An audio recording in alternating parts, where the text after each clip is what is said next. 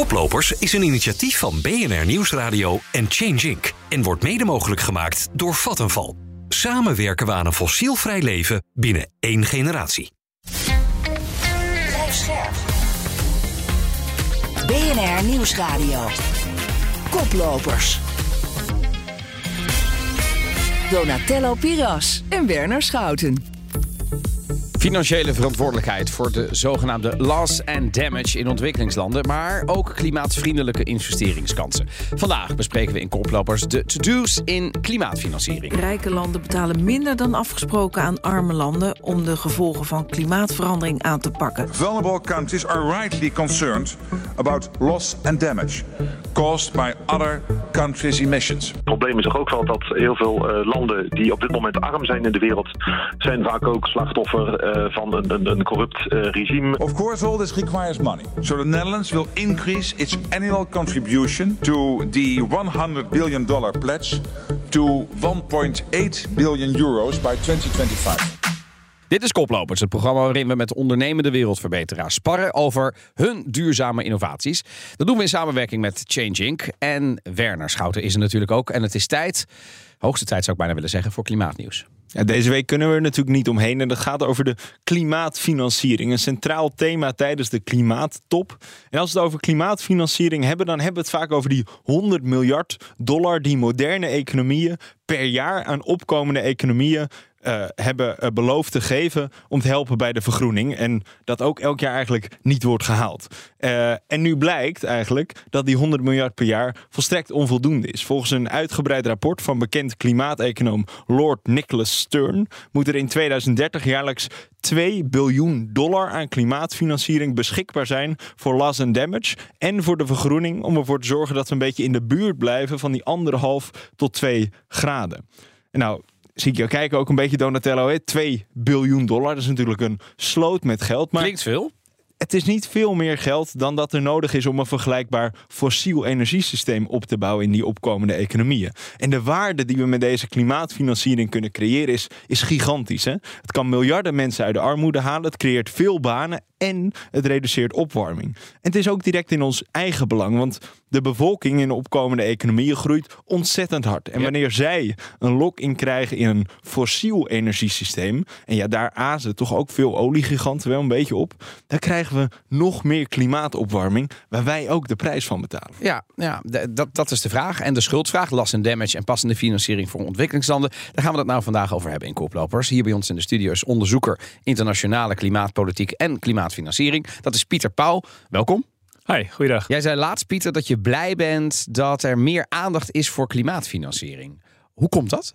Ja, dus er zijn eigenlijk twee verschillende dingen. Het een is financiering, het andere is compensatie. Dus financiering is in, al sinds 2009 staat het eigenlijk hoog op de agenda. In, in Kopenhagen was het toen een grote top. Daar had een, een, een opvolger van het Kyoto-protocol protocol moeten komen. Uh, dat is helemaal misgegaan. En om de onderhandelingen te redden, hebben toen industrielanden als een soort konijn uit een hoge hoed die 100 miljard getoverd. En Oh. dat, dat leggen we voor jullie klaar vanaf 2020. Heel Ja. fijn. Ja. Um, en, en dat is dus niet gehaald. Daar zijn we nu in 2020 bij 83 miljard. Dat is klimaatfinanciering. Dat is dus om eh, ontwikkelingslanden te helpen om hun emissies te reduceren en om aan te passen aan klimaatverandering. En daarbovenop komt nu nog de vraag van compensatie voor loss and damage. En dat Ja. is eigenlijk Dat is een compensatie voor de geleden klimaatschade precies. in die, in die landen, in die opkomende economieën. En ook steun om die economieën toch te verduurzamen, want dat moeten ze ook. Ehm, toch voelt het een beetje dat als we dat doen, ja, dat we dan een beetje in Nederland, eh, laten we het even bij ons houden, weet je, wegdrijven van het feit dat wij ook gewoon aan onze duurzaamheidscriteria moeten voldoen. Zit, Ja. daar, zit daar iets tussen, die correlatie? Nou, die hebben absoluut met elkaar te maken. Ja, dus, dus eh, het zijn nu eigenlijk inmiddels drie dingen. Hè? Ontwikkelingslanden helpen, eh, ontwikkelingslanden compenseren, maar ook, eh, en en die, die twee zijn nodig omdat wij onze eigen emissies niet naar beneden brengen. Of althans niet Hard genoeg. hard genoeg. Ja. Want we zitten inmiddels bij eh 24% in 30 jaar. Nou, dat is natuurlijk helemaal niks. Als je bedenkt dat die onderhandelingen nu 30 jaar lopen over klimaatverandering. Ja, je kijkt er ook behoorlijk streng bij. Ja. ja, ja. Ja, het is, het is dus keihard nodig. Zoals je, zoals je zegt, premier Rutte die heeft afgelopen week 100 miljoen euro beloofd aan klimaatsteun aan, aan Afrikaanse landen. En eerder brachten ook al minister Jette en minister Schijnemacher al naar buiten dat de klimaatsteun aan ontwikkelingslanden wordt opgevoerd naar zo'n 1,8 miljard euro eh, in 2025. Mijn vraag aan jou, zet dat zoden aan de dijk of is dat toch een beetje een druppel op de gloeiende plaat? Ehm, allebei. Kan dat? Zeker. Verklaar je nader. Ja, het is, het is zo, die, die 1,8 miljard die is voor ontwikkelingslanden gewoon heel hard nodig. Ehm, tegelijkertijd, als je niet hier de emissies naar beneden brengt en niet ook het financiële systeem, dus het veel grotere plaatje ook aangaat, hè, aanpakt, dan, dan, dan is het een druppel op een gloeiende plaat. Want we gaan nog steeds, we hebben het nog steeds over honderden miljarden aan eh, subsidies die naar fossiele brandstoffen gaan per jaar. We hebben het nog steeds over uh, uh, bijvoorbeeld de, de, de 60 grootste commerciële banken. Die hebben sinds het akkoord van Parijs 4,6 biljoen Nederlandse, of dollars, maar uitgedrukt in Nederlandse hoeveelheden, uh, in de fossiele energiesector gestopt. Daar horen ING en Rabobank overigens ook bij. Mm -hmm. En dat is blijkbaar nog steeds mogelijk. En het is blijkbaar nog steeds acceptabel. Ja, en dan is het gewoon dweilen met de kraan open. Als, als we enerzijds zeggen er komt wat meer klimaatfinanciering, maar anderzijds gaan we gewoon vol door op dat fossiele pad. Ja, precies. En, en tegelijkertijd, hè, de, de, dat we het even uh, begrijpen, ook voor de luisteraar die misschien wat minder thuis is in hoe die financieringstromen lopen. Wij geven dat geld. Wat, wat kan een ontwikkelingsland met dat, het is geoormerkt geld, neem ik aan, doen? Ja, uh, dat is ook een, een, een, misvatting dat we het uh, geven. Ja. Voor een klein deel zijn het inderdaad giften, maar voor een groot deel zijn het ook leningen ah. en gemobiliseerd privaat geld. En, en dat laatste betekent eigenlijk dat je bijvoorbeeld als, als, als ontwikkelingsbank um, een, een, een private investeerder helpt, uh, bijvoorbeeld door een, een goedkope lening te geven, -hmm. Uh, om, om een investering bijvoorbeeld in een windpark in Afrika uh, te doen. Okay, precies dat soort projecten worden met dat geld mede gefinancierd. Ja. En nog even los, het is dus niet per se alleen een gift. Het is een beetje als het European Recovery Fund, deels gift, maar ook een heel deel zijn leningen, achterstallige leningen, et cetera. Ja. ja. Nu toont die studie van uh, Lord Nicholas Stern aan dat er veel meer geld nodig is om die verduurzaming aan te jagen. En ik was in aanloop naar deze uitzending ook wat meer in die internationale klimaatfinanciering gedoken.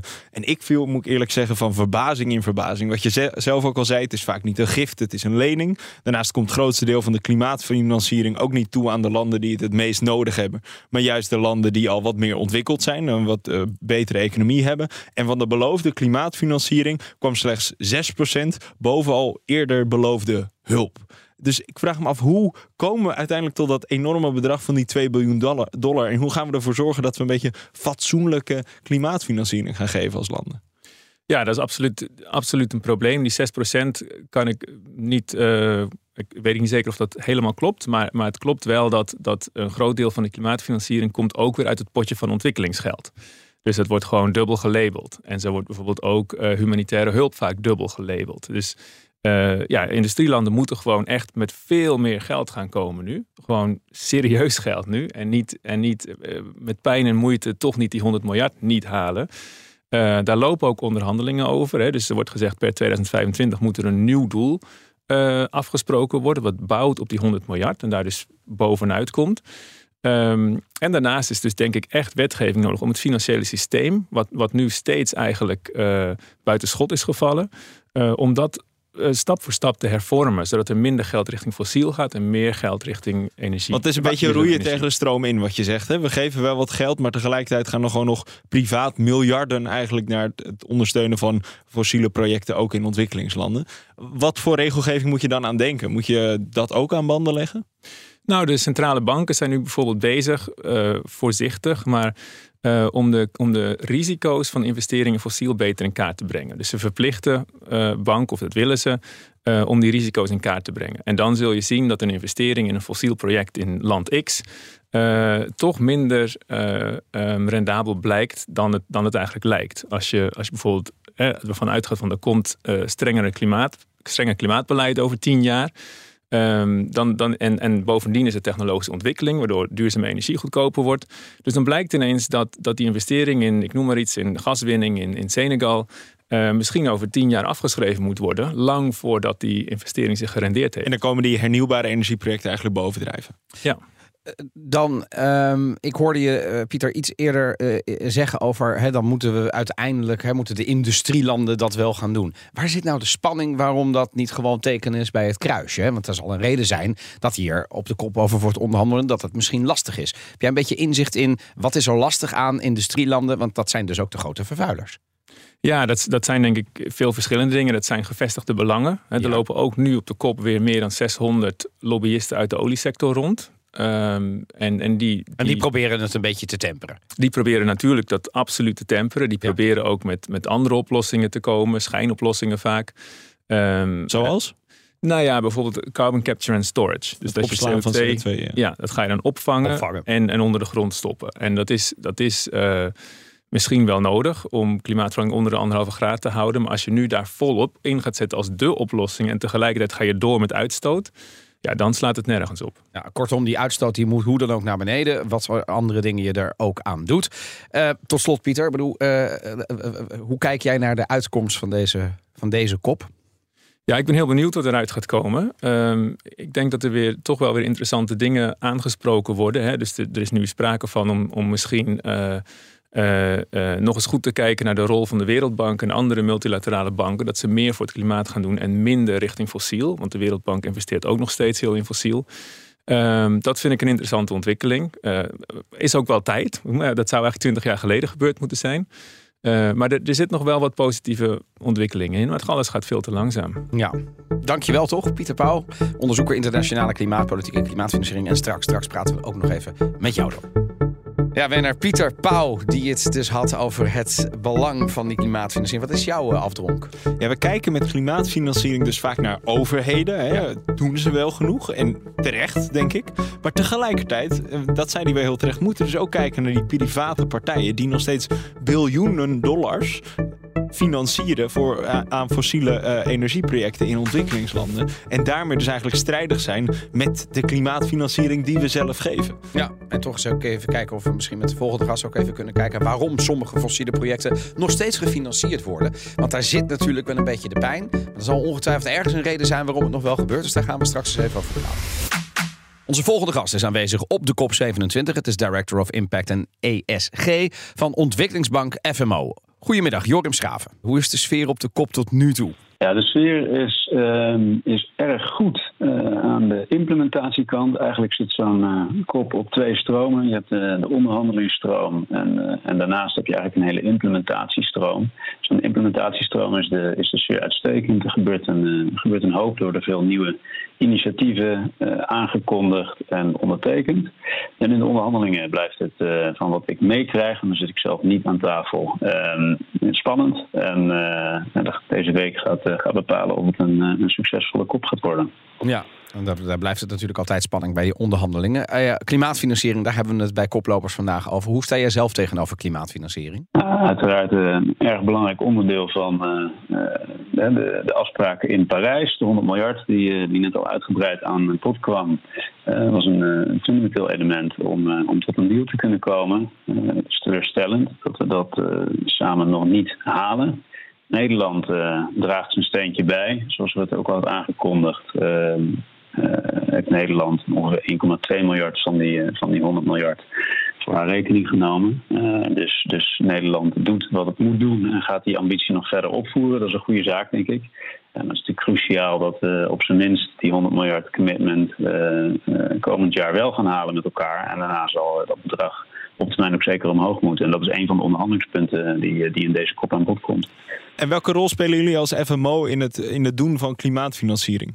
Nou, is voor ons een, belangrijk onderdeel van, eh, van onze strategie. Dus als je kijkt, vorig jaar eh, hadden wij een portefeuille van ongeveer 4 miljard eh, aan groene financiering, klimaatrelevant. Ehm, en we hebben ruim een half miljard aan, aan nieuwe financiering gedaan. Dat, is een heel belangrijk onderdeel van onze strategie. Ruim, ruim een derde van wat we doen is nu klimaatfinanciering. En we hebben onze nieuwe strategie voor 2030 gezegd dat we een portefeuille van ruim 10 miljard aan eh, klimaatrelevante financiering willen gaan eh, opbouwen. Dus het is eh, een cruciaal element van, van wat wij doen. Dus er gaat veel geld naar, naar klimaat. Dat is denk ik mooi om te horen. Tegelijkertijd, ik las laatst de World Energy Outlook van het International Energy Agency.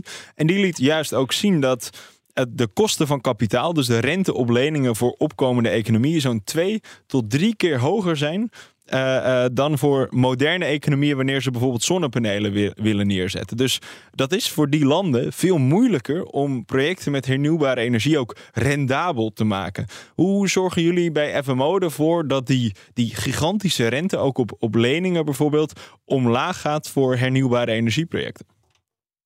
Ja, uitstekende vraag. Je hebt inderdaad uh, het issue dat, dat in opkomende economieën de, de, rentes hoger zijn. Vaak omdat de risico's ook hoger zijn. Hogere landenrisico's. Uh, die moeten dan worden afgedekt. Uh, we zien dat uh, voor, voor zonneprojecten de rentes de afgelopen jaren behoorlijk zijn gedaald. Omdat de risico's daarop eigenlijk steeds lager zijn geworden. En de, en de kosten ook. Ehm, gedurende afgelopen uh, periode zijn die rentes weer wat, wat toegenomen. Um, op het moment zijn de financieringskosten vaak niet het breekpunt. Het, is, het, is moeilijk, het, grootste probleem is eigenlijk om goede projecten te vinden, uh, met name in de armste landen, in, de, in de hernieuwbare energiesector. Dus, uh, dus daar zit veel focus op om uh, partijen op te richten. Climate Investor One is een voorbeeld. Het, uh, het Nederlandse Fonds voor Klimaat en Ontwikkeling, die FCD, wat de Nederlandse overheid. maar jij onderschrijft die, dat probleem van die hoge rentelasten, onderschrijf jij dus niet? Het is zeker een, het is zeker een probleem. Um, en ik denk met name nu de inflatie toeneemt, uh, zien, we, zien we in opkomende economieën dat die rentes ook aan het toe, uh, toenemen zijn. Niet alleen voor hernieuwbare financiering, maar eigenlijk door, door de hele sector heen. En dat levert ook voor een aantal landen echt op landenniveau problemen op. Dus, dus dat probleem onderschrijf ik zeker wel. Um, en een deel, ja, het is uiteindelijk vraag en aanbod. Dus een, een, deel van het antwoord zit hem ook in het laten toenemen van het aanbod van, van klimaatfinanciering.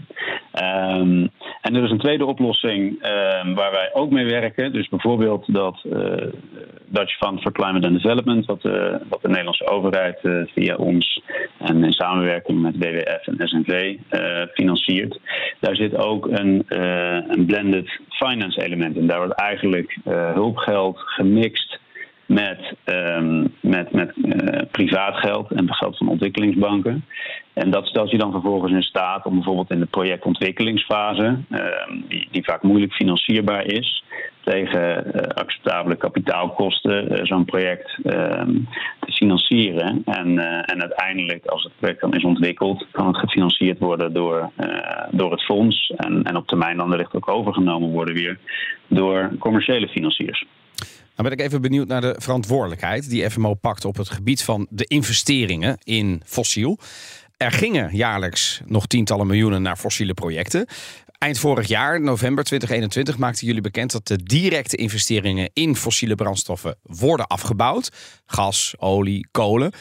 Even een stand van zaken. Hoe gaat dat nu? Nou, dat gaat uh, gelukkig erg goed. Um, en wat is erg goed? Aange, aangegeven was, was dat, dat inderdaad in de, de multilaterale banken uh, er nog significant doorgeïnvesteerd wordt in fossiel. En um, uh, nou, ik denk als Nederland, hè, de Nederlandse overheid heeft uiteindelijk ook getekend en wij ook dat we aan de publieke kant fossiel willen afbouwen. Uh, wij hebben daarbij aangegeven dat we eigenlijk daarmee stoppen.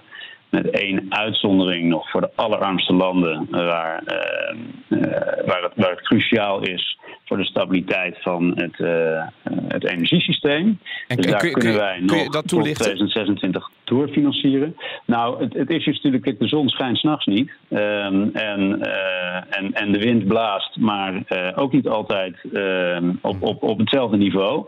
Um, dus ja, je hebt ook stabiliteit nodig van je energiesysteem. En in de allerarmste landen kan daar soms uh, nog een beetje fossiel bij nodig zijn. Dus die uitzonderingsgrond wilden wij nog een paar jaar behouden. Uh, om, om ook uh, daar de, de, landen te kunnen helpen met, met het ontwikkelen op een verantwoorde manier.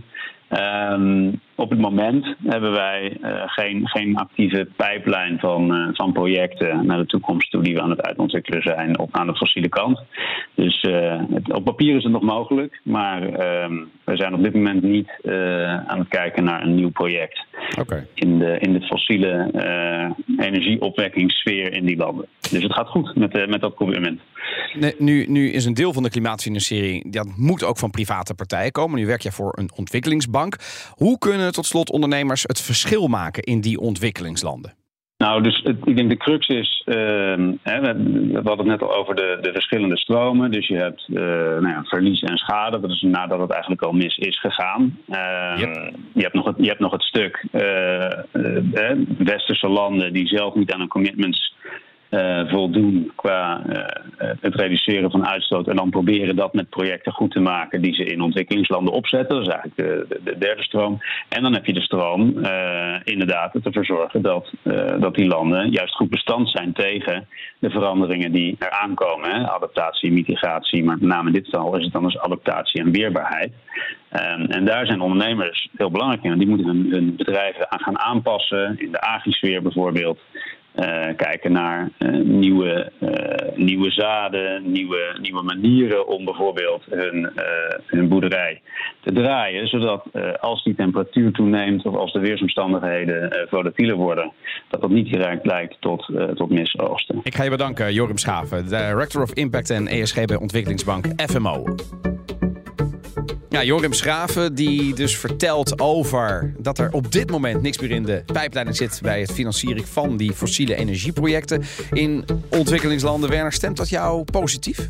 Ja, dat is een, een goede stap, maar tegelijkertijd is ook het investeringsbudget van een FMO natuurlijk zelf maar beperkt. Ja. En wil je natuurlijk eigenlijk dat die een hele private sector meeneemt, uh, zodat ook heel veel privaat geld naar die verduurzaming Want dan maak je echt een slag. Dan maak je de echte impact. En daar vond ik zijn reactie soms een beetje lauwtjes. Hè? Uh, Voorzichtig. Ja, inderdaad. Juist, ja. juist als je die, die, die kosten van kapitaal naar beneden brengt, dan levert dat miljarden aan, aan kostenbesparingen op voor die ontwikkeling. En dan krijg je pas echt dat vliegwiel-effect dat mensen, dat private investeerders daarin gaan zitten. Precies. En hij noemde iets over blended finance, hè, dat je met de overheid en samen met, met private partijen dan financiert. Dat zou toch veel groter moeten worden. Ja, maar ik, verwacht je niet dat dat ook wel steeds groter rol gaat spelen? Tuurlijk, maar dat, die haast die erbij nodig is en de ah, omvang, ja, die moet binnen noten urgentie. Ja, terwijl de dollartekens ons in de ogen staan, gaan wij het hebben over de stelling: grote vervuilende bedrijven moeten jaarlijks 2% van hun winst afstaan aan een fonds dat klimaatschade in armere landen compenseert. Uh, Pieter, uh, jij zei zojuist eens. Verklaar je nader. Ja, ik denk dat we met name in, in, in deze tijd ook leren, hè, dus tijdens de, uh, of in de nasleep van, de, van het begin van de invasie van Rusland in Oekraïne, uh, dat wij allemaal met hele hoge energieprijzen te maken hebben. En dat ondertussen de grootste uh, oliebedrijven naar het schijnt 200 miljard winst hebben gemaakt de afgelopen drie maanden. Um, en nou kun je zeggen, dat doen ze heel goed. Maar dat, dat kan natuurlijk alleen omdat, omdat beleid van onze kant tekortschiet, denk ik. En het is niet, als ze 200 miljoen winst maken met zonnepanelen, is het nog wat anders. Dan doen ze misschien nog iets goed voor de wereld.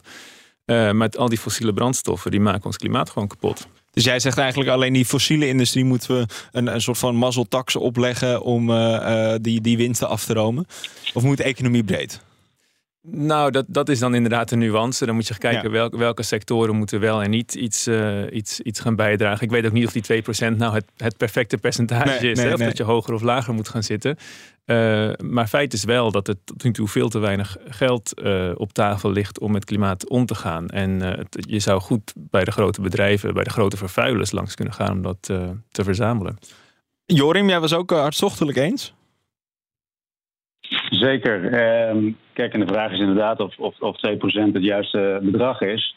Um, Kijk, als je kijkt bijvoorbeeld in Zuid-Afrika, uh, daar is het zelfs zo dat, dat de duurzame energieprojecten die wij financieren vanuit overheidswegen een, een percentage in die orde van grootte afstaan aan, aan lokale communityprojecten. Dus als dat uh, uit, uit duurzame projecten al kan, dan moet het uit niet duurzame projecten die een deel van hun winst halen uit niet ingeprijsde negatieve effecten voor de samenleving zeker mogelijk zijn. Dus ik denk dat het een uitstekend idee is om een deel van die, van die overwinst af te romen en, en vervolgens in te zetten om, om klimaatverandering te bestrijden. We hebben deze stelling ook voorgelegd natuurlijk aan onze community op Change Inc. via LinkedIn. Dat doen we overigens iedere week, dus dan kun je daar ook stemmen. En je kunt daar je mening geven. De verhouding daar was vrij duidelijk. 87% van alle mensen die gestemd hebben, die is het eens met de stelling. Maar een 13 percentage van 13% is het oneens. En er komen soms ook mensen, met name die oneens zijn, die daar ook argumenten bij geven.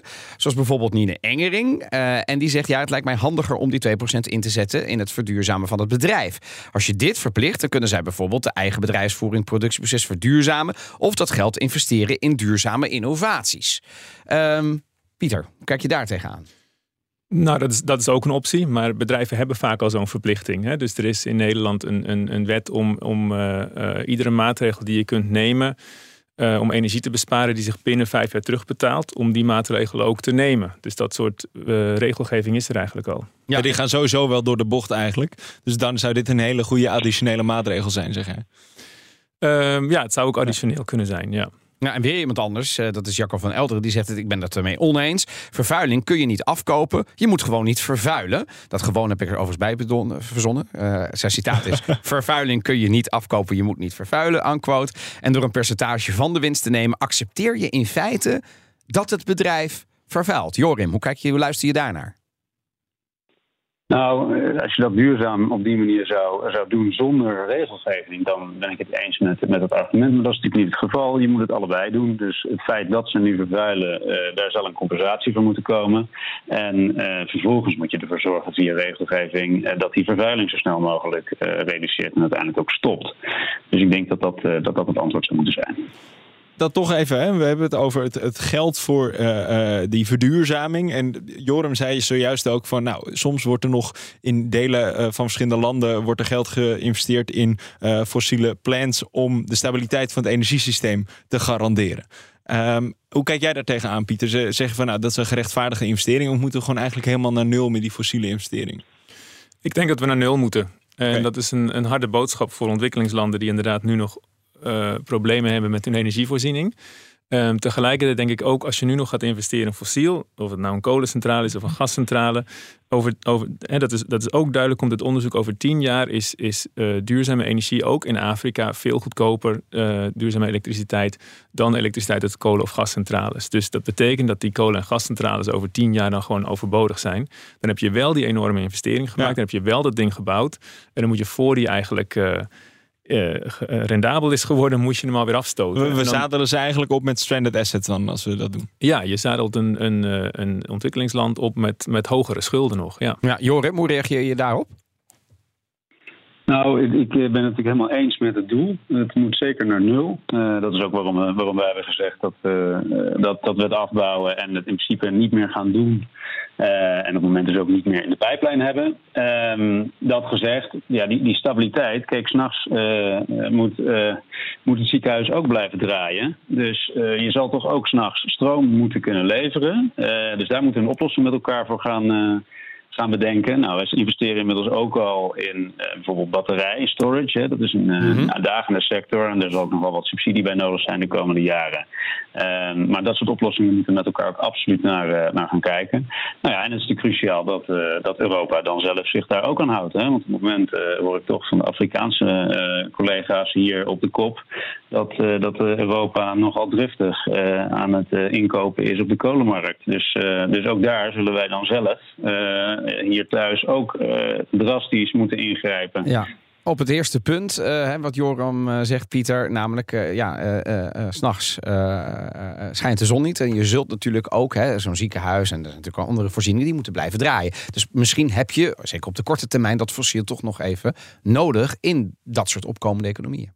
Ja, ik denk dat je dat, die vraag moet je per, per land Mm -hmm. per stad misschien zelfs gaan bekijken. Maatwerk. Dat is, dat is denk ik echt maatwerk. Ja, er zijn natuurlijk ook veel landen, die, juist ontwikkelingslanden, die, die grote uh, waterdammen um, uh, hebben om energie op te wekken. Ja, dus misschien kun je daarmee, ja, misschien kun je daarmee s'nachts die, die energievoorziening uh, daaraan voldoen. Maar dat, dat moet je echt per land bekijken. En ik, ik geef toe, hè, er, is, er, is, er is een probleem als de zon niet schijnt en de wind niet waait. Ja. Hoe ga je daarmee om? Maar dat, daar zijn steeds betere oplossingen voor.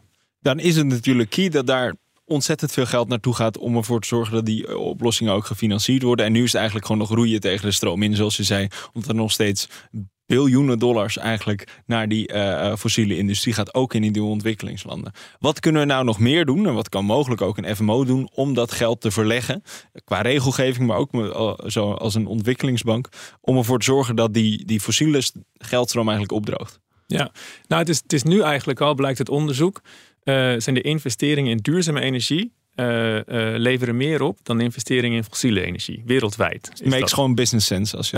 Eh, ja, absoluut. En toch gaan die eh, eh, investeringen in fossiele energie door. En dan kun je afvragen, waarom is dat zo? En dat is denk ik voor een deels ook gewoon omdat, omdat de mensen die dat doen, dat als baan hebben. En dat al 30 jaar doen. En dat gewend zijn. En ook eh, ervan uitgaan dat het wel weer winst oplevert. Hè? Dus eh, daar, zit, daar zit een soort Doorrollen op de ingebaande weg. ja, absoluut. Ja. En, dat, en dat moet je dus, eh, denk ik, op verschillende manieren kun je dat, kun je dat langzaam aanpassen. Dus ik, ik, ik noemde al de centrale banken die dat, dat thema klimaat nu echt proberen te integreren in hun beleid.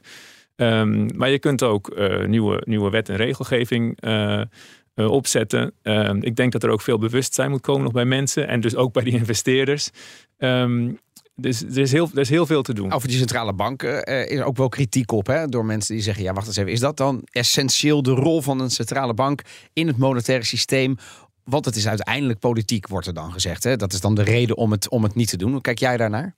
Nou, ik, ik, ehm, dat, dat klopt natuurlijk. Het mandaat van een centrale bank is, is eh, monetaire stabiliteit, financiële stabiliteit. Dat is en, een, on, en niet dat is een onafhankelijk, precies, dus toch een soort onafhankelijke scheidsrechter daarin. En, en niet zeggen, ja, dit wel, dat niet. Ja, tegelijkertijd hebben ze wel een punt als ze zeggen klimaatverandering gaat, als het niet over drie jaar is, of over vijf jaar, of over vijftien jaar, maar het gaat de financiële stabiliteit aantasten. En misschien zelfs onderuit halen. Hebben we het over, eh, eh, je noemde al even eh, de, de stranded assets. Dus er zijn, er zijn op dit moment miljarden of eigenlijk biljoenen in investeringen in, fossiele, in de fossiele sector.